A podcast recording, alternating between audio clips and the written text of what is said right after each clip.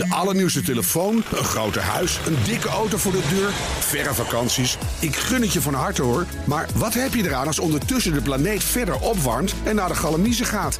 Wil je echt weten hoe het zit en wat we eraan kunnen doen? Luister dan naar BNR Duurzaam. Elke maandag tussen 3 en half 4 op de radio en altijd online als podcast. Want die volhoudbare wereld, die maken we samen. BNR Duurzaam wordt mede mogelijk gemaakt door Milieuservice Nederland. De ondernemende afvalpartner voor zakelijk Nederland. De gele sterren in de Europese vlag kunnen vervangen worden door zonnetjes. Het optimisme in de wandelgangen van de Europese Unie is overweldigend. Met dank aan Donald Trump en de Brexit. Europa-verslaggever Jesse Pinster. Ik lees deze inleiding. Jij hebt hem opgeschreven. Ik snap er niks van. Nou, de mensen die ik deze week allemaal spreek, die zijn heel zonnig. En dat zal een beetje misschien ook door het weer buiten komen. Maar die ja, stralen eigenlijk wel positieve energie uit.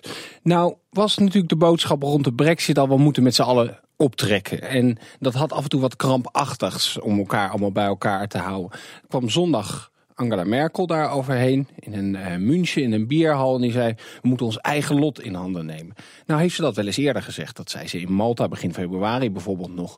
Maar het resoneert nu veel meer alle mensen die ik deze week gesproken heb, en we horen er zo meteen nog een paar, die halen haar ook allemaal aan. Dus het lijkt erop dat ze eh, in eh, de Brusselse wandelgangen wel blij zijn met een boeman in het Witte Huis en een kleintje in Londen. Ja, terwijl toch die brexit en die Amerikaanse president juist voor de verzorger zorgden.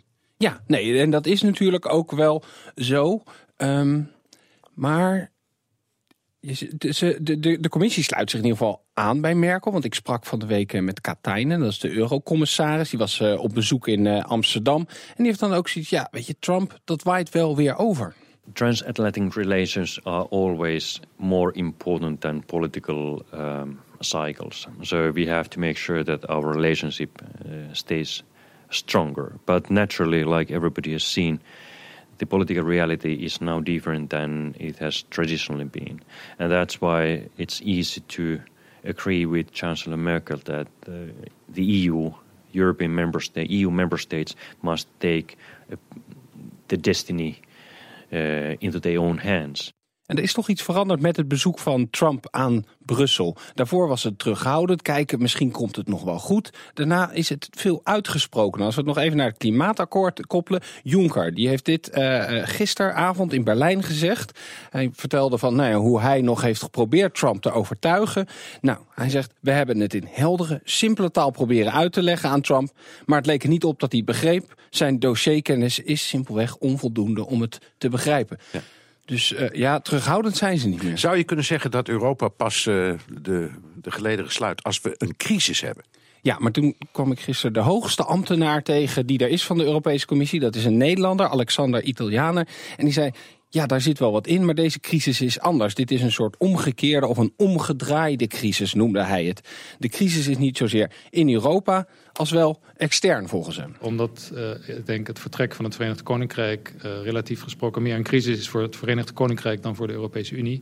Maar het is wel een moment waarop de 27 uh, zich bezinnen om sterker met z'n allen samen te gaan. Heeft Europa bedreigingen van buitenaf, zoals Trump en de Brexit, misschien ook een beetje van buitenaf straks nodig om stappen te kunnen zetten? Of is er ook een soort intern zelfvertrouwen aan het ontstaan in uw ogen? Ik zou zeggen dat, uh, dat er zeker een interne zelfvertrouwen is. Um, maar u heeft de uitspraak van uh, kanselier Merkel ook gelezen: hè, dat Europa zijn eigen lot in handen moet nemen. En dat is iets wat daar misschien wel eens, ook bij op de, om de hoek komt kijken. Ja, inderdaad, toch een optimistisch straaltje. zit daar een fundament in? Nou, ik bedoel, er is heel veel optimisme rond Macron. Uh, zijn verkiezing in eh, Frankrijk als nieuwe president. En hoe die het dan deed de afgelopen week in zijn ontmoetingen met Trump en Poetin. Maar goed, ik bedoel, de, de problemen zijn natuurlijk Hongarije, Polen... die zich nationalistisch opstellen. En anti-Europees Griekenland is nog steeds niet opgelost. En er worden nu grote discussies over de toekomst van Europa gevoerd. Maar die gaan in zulke grote lijnen. Het wordt natuurlijk pas interessant als je het in de details gaat hebben. Maar als de grootste mopper komt van de Europese Unie... Jean-Claude Juncker, de voorzitter van van de Europese Commissie dit soort dingen gaat zeggen. Europa maakt spaas. Dan is er toch wel iets aan de hand in Europa. Dankjewel, Europa-verslaggever Jesse Pinster. De allernieuwste telefoon, een grote huis, een dikke auto voor de deur, verre vakanties. Ik gun het je van harte hoor. Maar wat heb je eraan als ondertussen de planeet verder opwarmt en naar de Galamiezen gaat?